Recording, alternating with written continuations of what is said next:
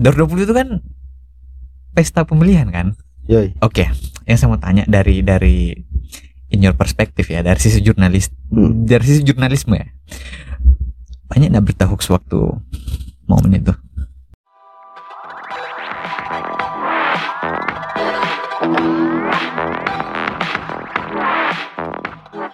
Oke, press record and stop. Bang Reza Fauzi, Iya. the journalist of Utu Story ya, right? Bisa dibilang begitu. Bisa dibilang gitu ya. Yoi. Katanya pemulung kata ya. Ya kalau ditanya kerjanya apa ya sejauh ini saya menjawab dengan pemulung, Pemulung apa ini? pemulung kata tadi itu. Pemulung kata dan informasi ya. Aduh, kayaknya nanti ini banyak obrolan yang kita mau bahas, tapi kita mulai dulu. Bang, gini Oke. bang. Awalnya saya mau bikin podcast di sini supaya saya mau branding diri sebagai Siap. podcast per- podcaster pertama di Toilet. Tapi ternyata sudah ada yang mulai duluan. Yang memulai kan boleh banyak, tapi siapa yang konsisten itu yang jadi pertanyaan. Oh begitu. Iya. Wis, gila. Kita Banyak yang sekali jawabannya. terus di tengah jalan berhenti itu juga ngapain harus mulai Oh begitu ya. Ya tapi kan pasti ada pemikiran mendasar dong waktu mau buat podcast waktu itu kan. Tahun berapa bikinnya?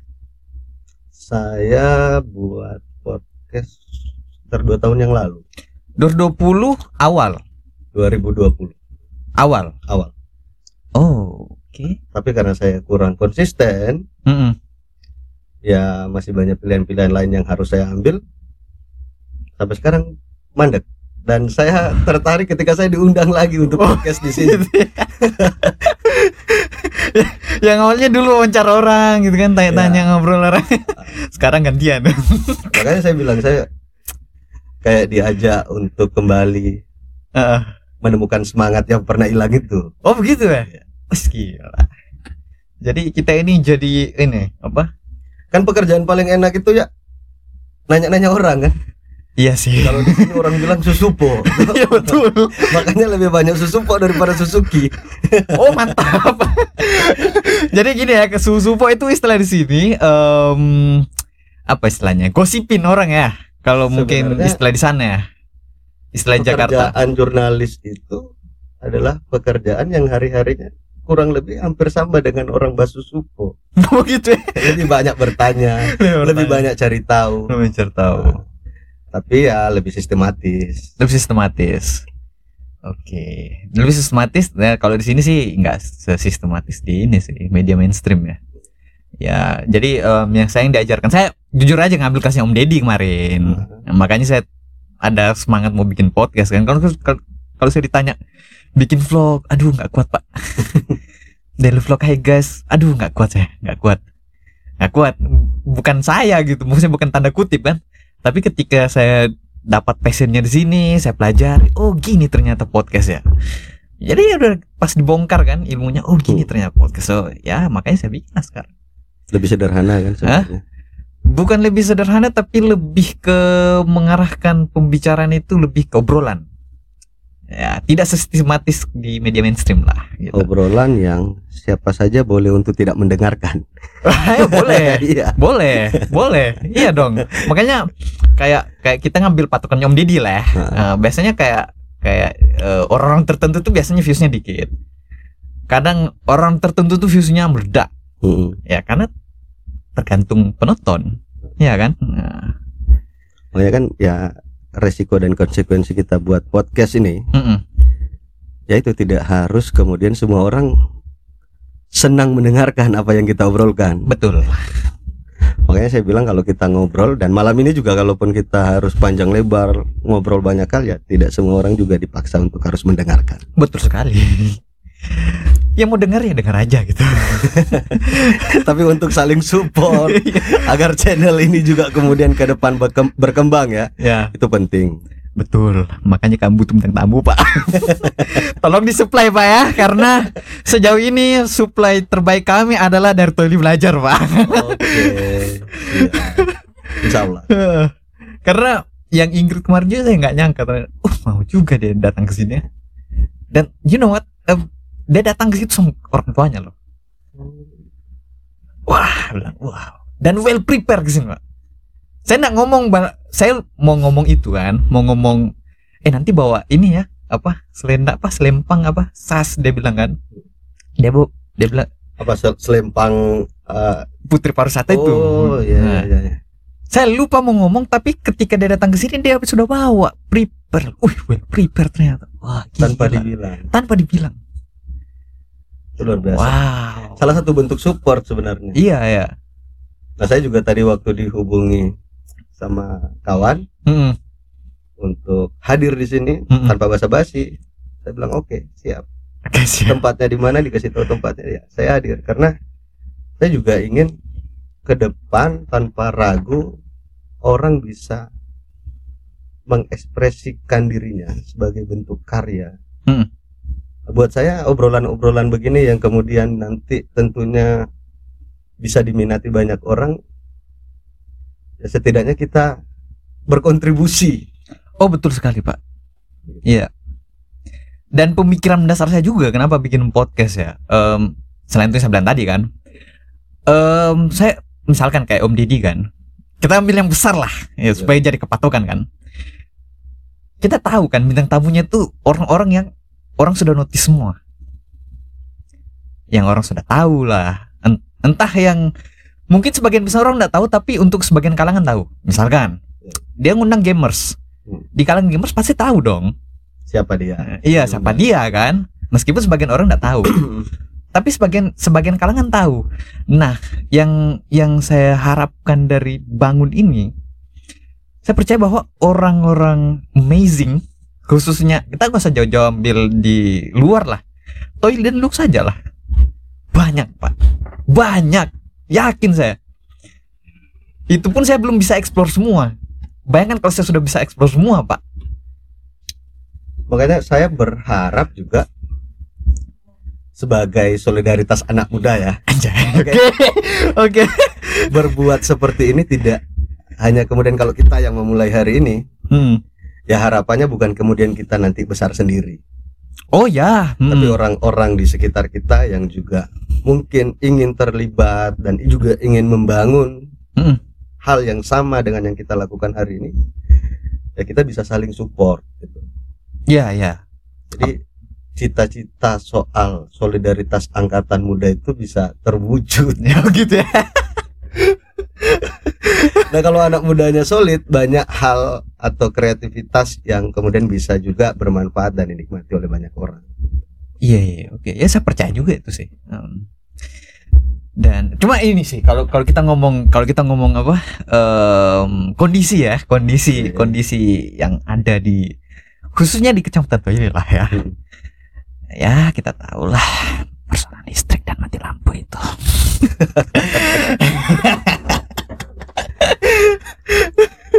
Saya sering ya belakangan terakhir karena mungkin saya sering merespon dengan buat status soal mati lampu.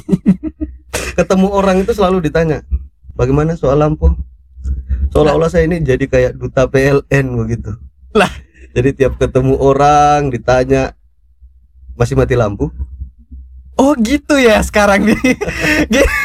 Karena Gitu saya ya tidak tahu sering atau kemudian juga dianggap terlalu sering.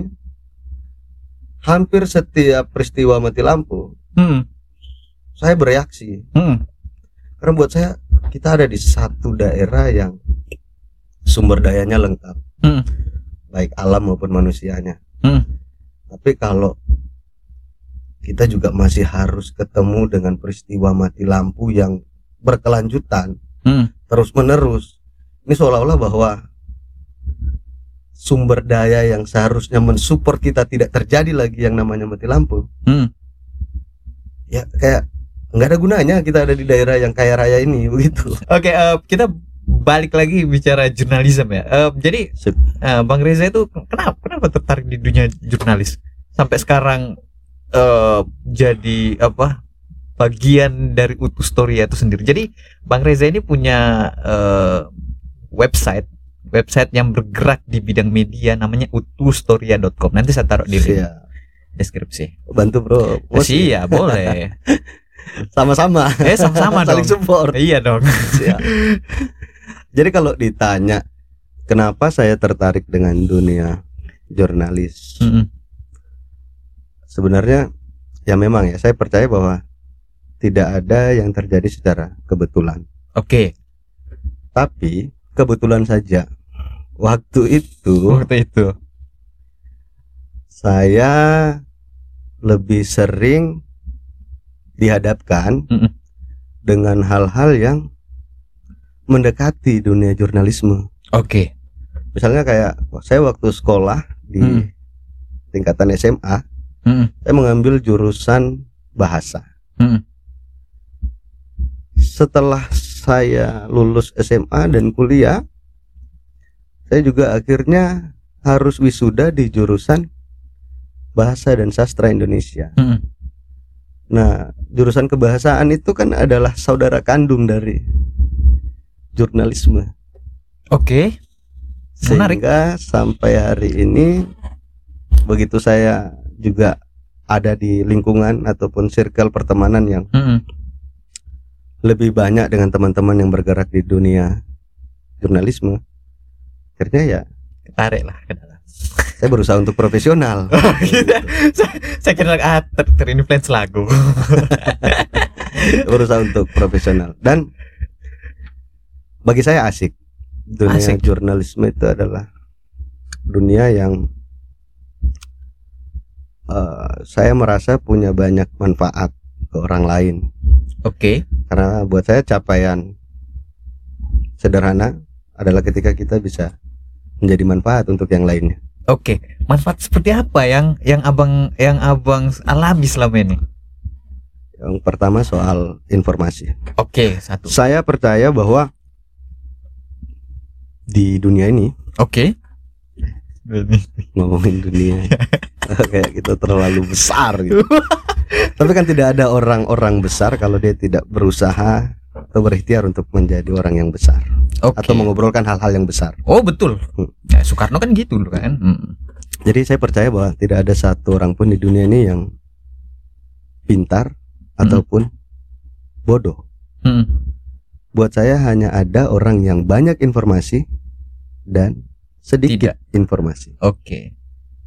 Sehingga kenapa ada orang yang dikatakan cerdas? Buat saya karena dia banyak menerima informasi. Lalu Oke. kenapa ada orang yang dikatakan tidak begitu cerdas? Ya karena mungkin dia sedikit Mm. menerima informasi.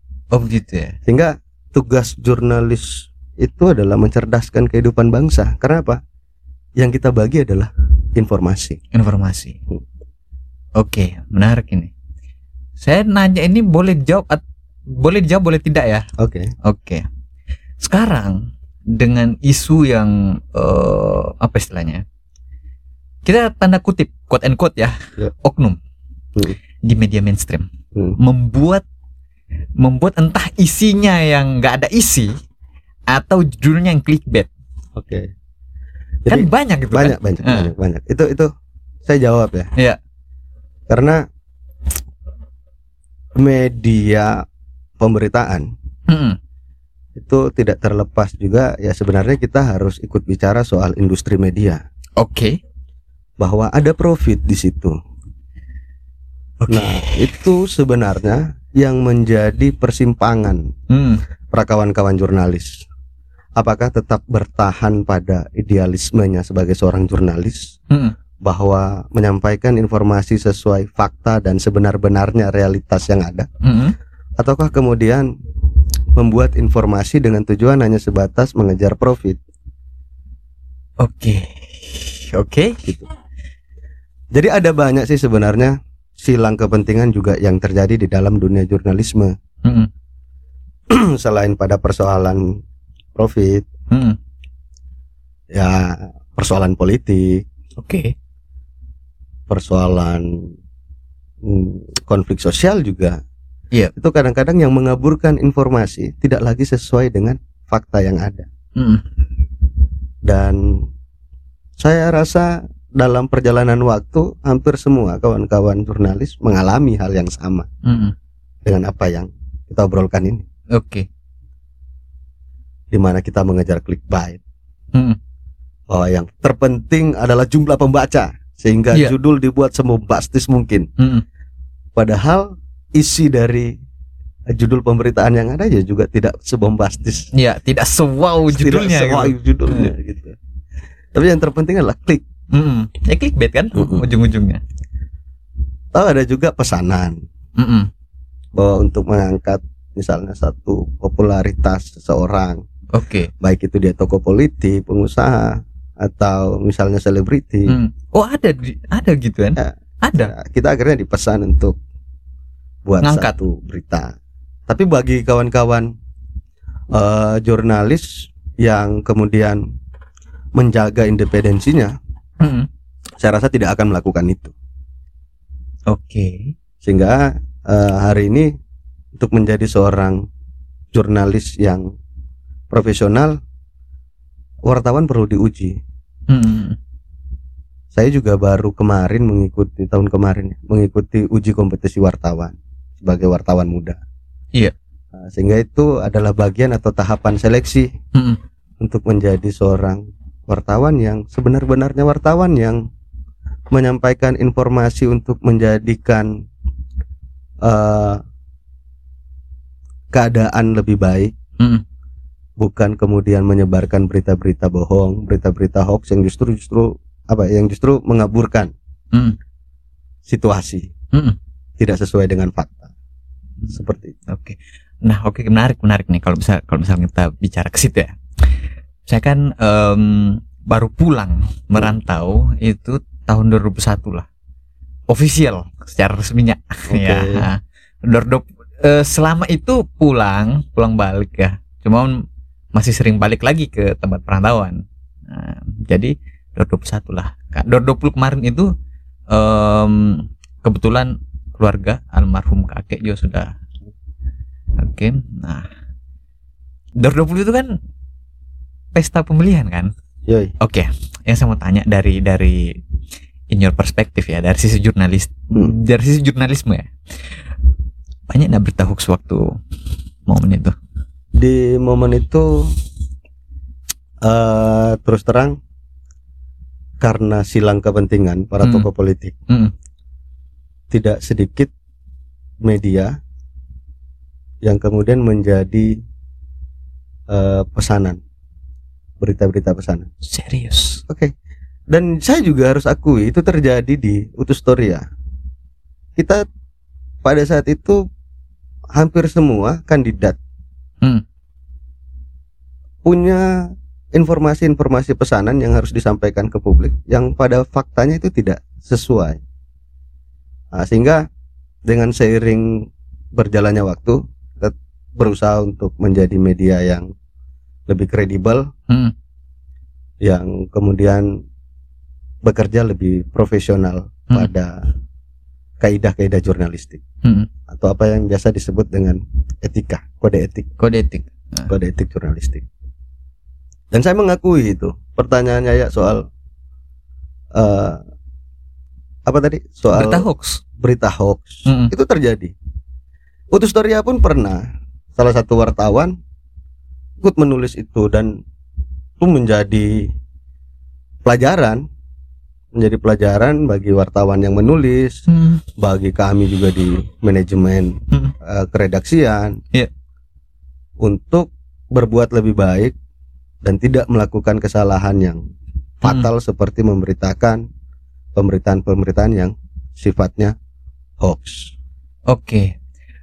Yang berita hoax itu yang waktu diposting ya, Mhm. dipublish di Utustoria Mm. itu eh, apakah eh, menyerang ke salah satu calon pada saat itu?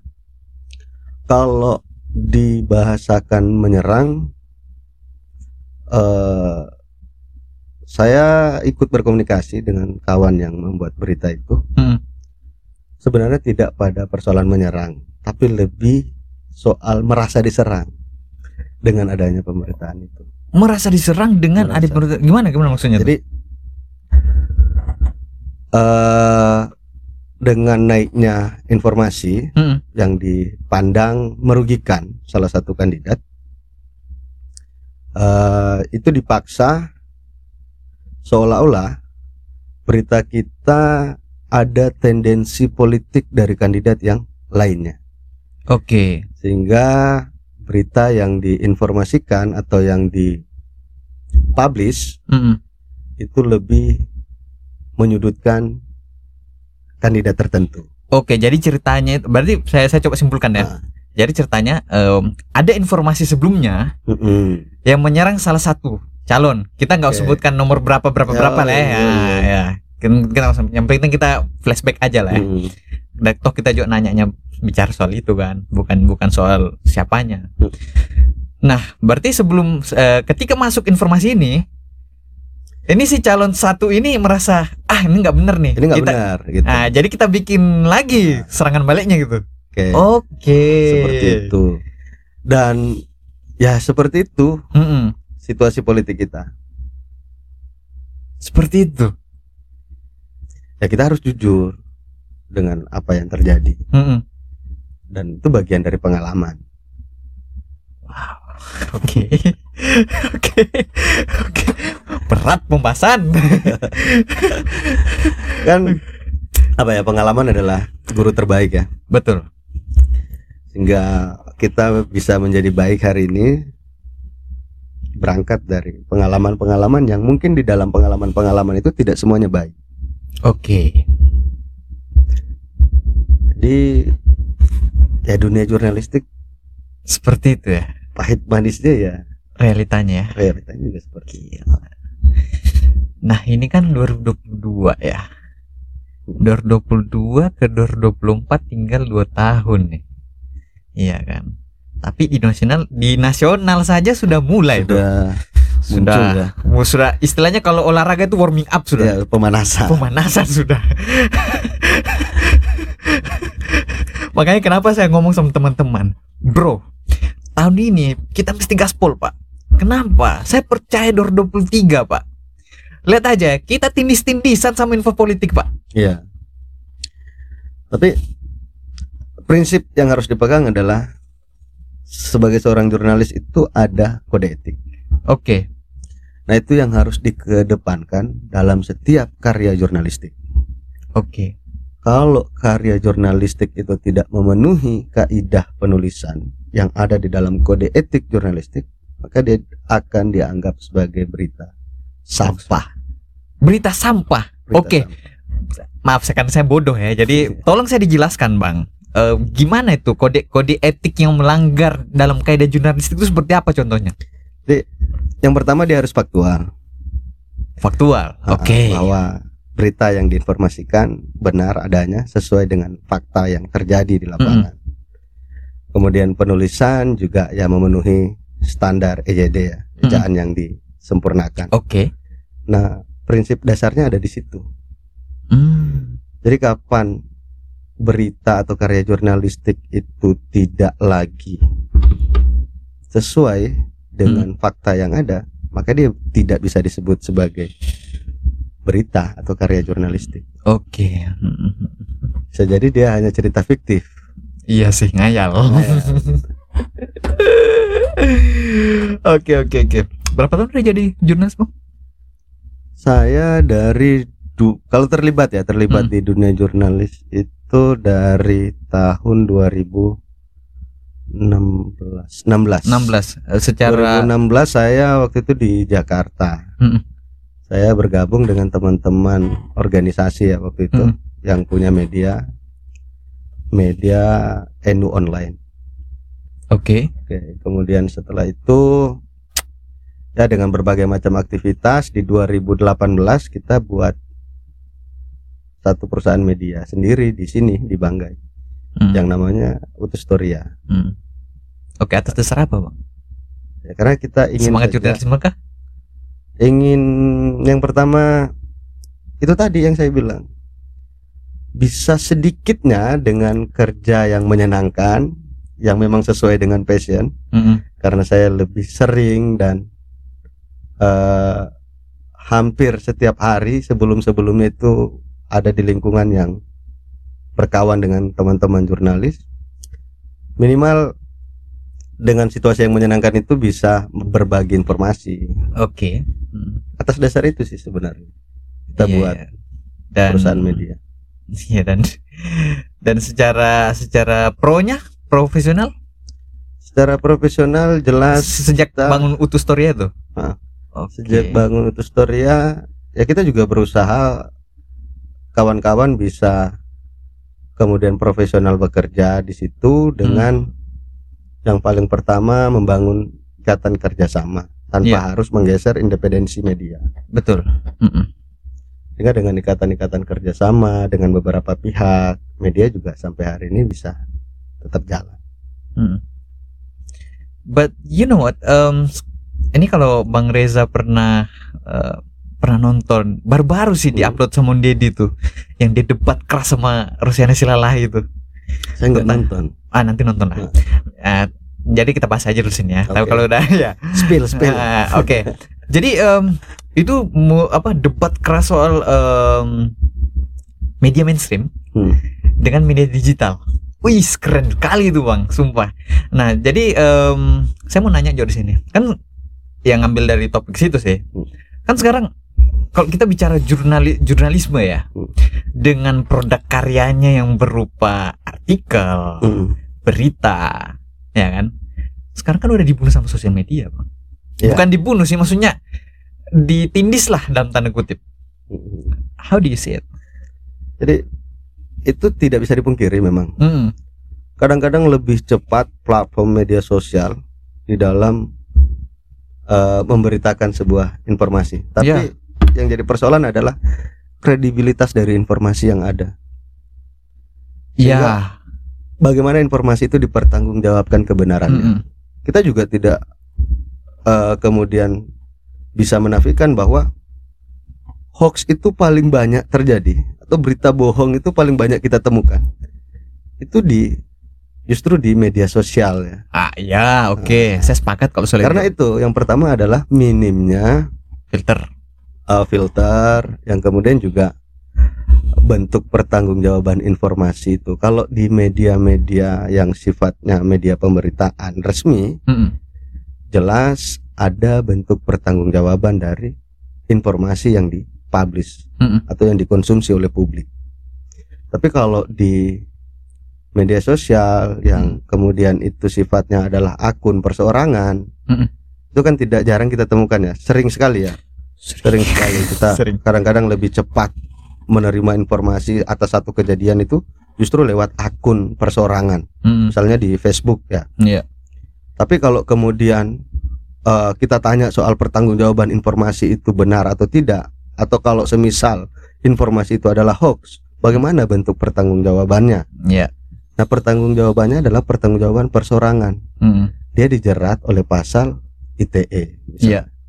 Tapi kalau kemudian media yang punya lembaga, Mm. yang punya badan usaha, Mm. yang eh, jelas sebagai media profesional, Mm. sebagai media pemberitaan, ada sanksi yang akan diberikan oleh Dewan Pers Langsung ya. langsung. Iya sih. Jadi dia masuk dalam meja persidangan Dewan Pers. Itu dia pembedaannya Tapi sebenarnya. kalau di media sosial kan nggak ada. Nggak ada. Nggak ada. Jadi dia harus langsung berurusan dengan polisi. Oh, sekarang itu langsung ininya. Ah, Pengawasnya langsung itu situ ya. Oke, polisi. menarik. Jadi kalau dia terbukti hoax, maka Hmm. dia dijerat dengan undang-undang ITE. Sementara kalau eh, media pemberitaan resmi, dia akan diberi sanksi oleh Dewan Pers. Tapi gini, Bang, yang menjadi keresahan saya selanjutnya, Bang ya. Hmm, Kita kan pakai WA semua dong. hmm, hmm. ya kan pasti masuk di grup-grup kan? Iya, pasti ada grup entah grup SMA kah grup apalah grup apalah entah grup keluarga juga biasanya ada Hmm. grupnya kan ya? Kan biasa ada tuh. Masuk pesan video tak tapi tulisan di atas sudah diteruskan berapa kali? Diteruskan berkali-kali. itu yang saya maksud. Itu nggak terbendung bang Iya. di WA itu nggak terbendung bang barang Iya. gituan Yang kita gunakan kan sebenarnya smartphone. iya Jadi setiap penggunanya juga harus lebih cerdas dari ponsel yang dia gunakan. ya apa ya? Kalau kemudian segala sesuatunya kita harus terima tanpa filter, tanpa berusaha untuk mencerdas-cerdaskan diri ini di dalam menerima informasi, yang terjadi itu bahwa berita hoax sekalipun kita percaya bahwa itu fakta. Aduh, mau bahas ini kayak jadi gini bang. Tapi kan di beberapa platform media sosial Mm-mm. itu sudah berusaha semaksimal mungkin untuk menyediakan eh, rubrik pencari fakta ya Iya, bahwa berita fact checker. ini Ya. ah, benar atau tidak benar, hoax atau bukan. Ada ya? Ada sudah. Nah, itu saya bilang sebagai salah satu upaya juga. Bahkan di TikTok itu sebenarnya lebih sensitif bang. Serius, itu lebih sensitif.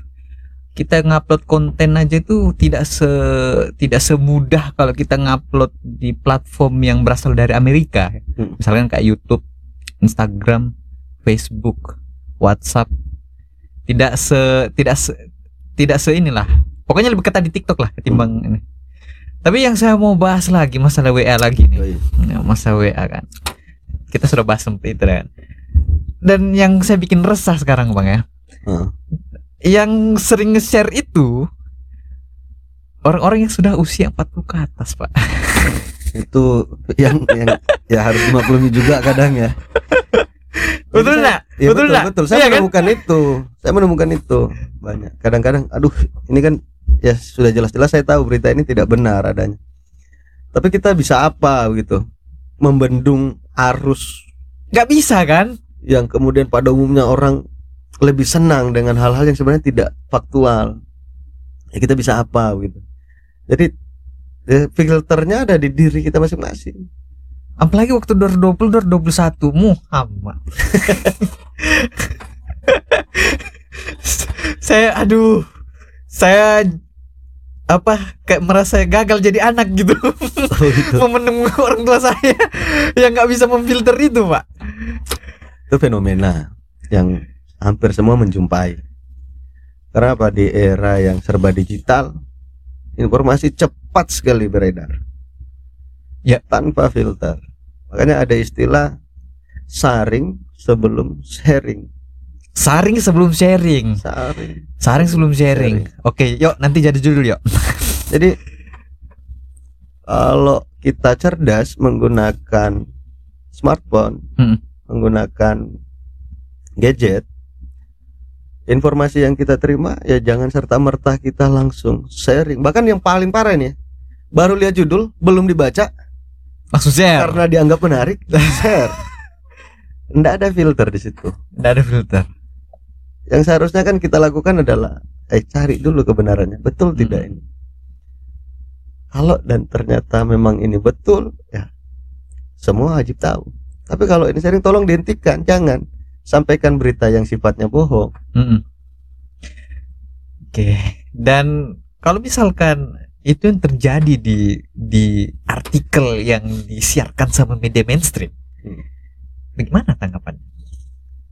Ada sanksi, Ada sanksi, ada sanksi. tapi eh, realitanya, saya nggak nyebut fakta ya, realitanya. Jadi eh, kenyataan yang Hmm. yang yang ada ketika misalnya media mainstream melakukan itu, melakukan pemberitaan yang sifatnya hoax, sanksi yang pertama adalah tingkat kepercayaan publik perlahan pasti akan menurun. Kalau itu terus-menerus dilakukan, Nah, bagaimana bagaimana publik mau naik lagi awareness dan trustnya, kepercayaannya? Hmm. Sedangkan di 2019 saja kita udah tahu kan, bahkan saya pun jujur aja mak sempat kecemplung juga, tapi nggak terlalu dalam banget sih, nggak terlalu dalam banget lah. yang harus dilakukan ya itu berbenah. Kalau itu sudah pernah dilakukan, ya jangan dilakukan lagi. Iya, Berbuat dengan tidak melakukan kesalahan yang sudah pernah dilakukan. oke. ya memang butuh waktu untuk mendapatkan kepercayaan publik Mm-mm. tidak ada yang instan Mm-mm. dan media-media mainstream juga saya rasa bunuh diri kalau terus menerus Bunuh diri ya ya. bunuh diri Bunuh kalau diri. terus menerus memberitakan informasi yang sifatnya hoax ya karena ngapain lagi orang harus mengunjungi misalnya kalau dia menggunakan website atau media cetak juga ngapain juga kita harus beli Mm-mm. dan membaca informasi yang ternyata isinya bohong semua Mm-mm. saya juga nonton teman-teman tuli belajar Mm-mm. nah itu buat saya apa ya kalau kemudian banyak anak muda yang ikut terlibat berbuat seperti apa yang mereka lakukan ya situasi akan jauh lebih baik lah dalam hal misalnya dunia literasi kita Mm-mm. sekarang kan yang jadi persoalan kenapa hoax sering terjadi Karena apa? karena miskinnya literasi Kenapa miskin literasi bang? Informasi kan banyak, banjir sekarang. malas membaca sehingga tidak punya analisa di setiap informasi yang diterima kita tidak mampu untuk menganalisa karena miskinnya literasi tadi malasnya kita untuk Oke, membaca ini saya, kan, saya counter ya. Kita debat lain kan, maksudnya Hmm. debat secara inilah Hmm. ya kan.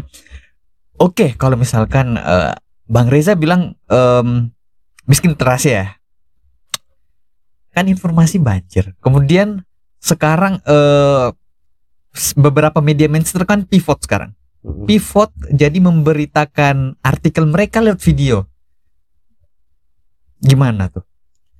jadi begini yang Masa masih mau pertama- dibilang miskin literasi? ya jelas. Saya saya harus bilang bahwa kita masih sangat miskin literasi.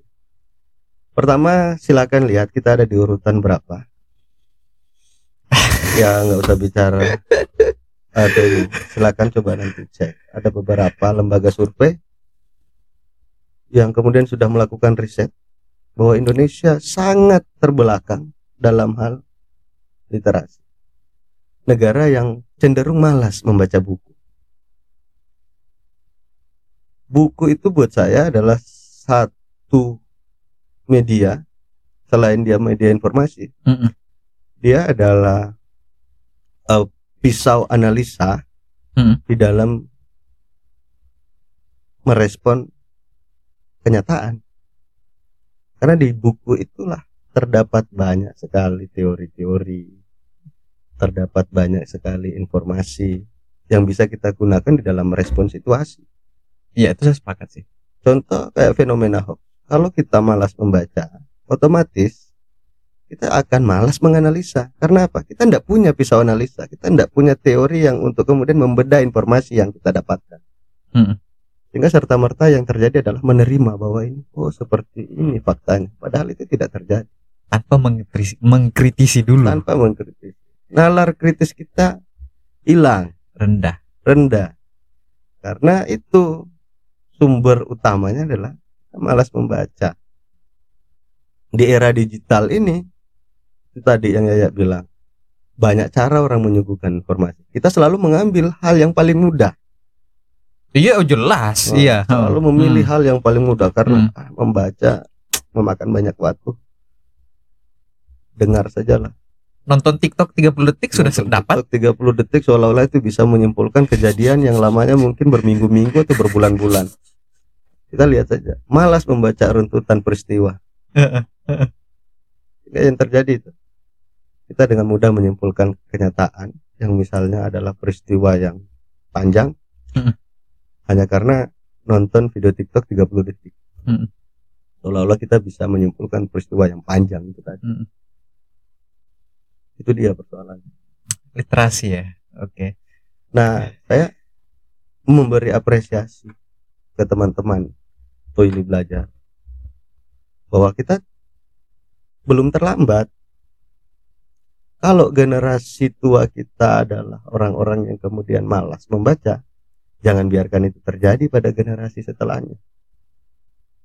Dengan apa yang dilakukan oleh teman-teman Toili belajar, saya apresiasi itu. Wah, ini adalah upaya untuk menyelamatkan generasi.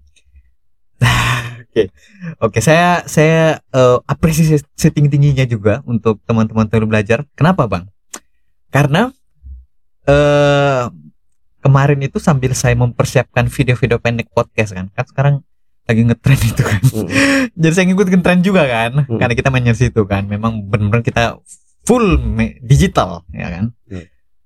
nah ada komentar. Mm-mm. itu pas di videonya si Miki Hmm. dia ternyata muridnya tuh belajar. Dan dia bilang apa?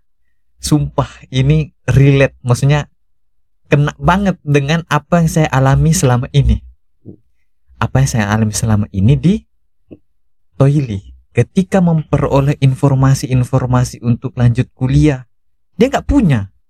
Akhirnya ketika dia masuk ke Toili belajar kebuka dia Dan setelah itu di screenshot lah si Miki kan dapat DM juga dari dari eh, si yang komen itu. Hmm.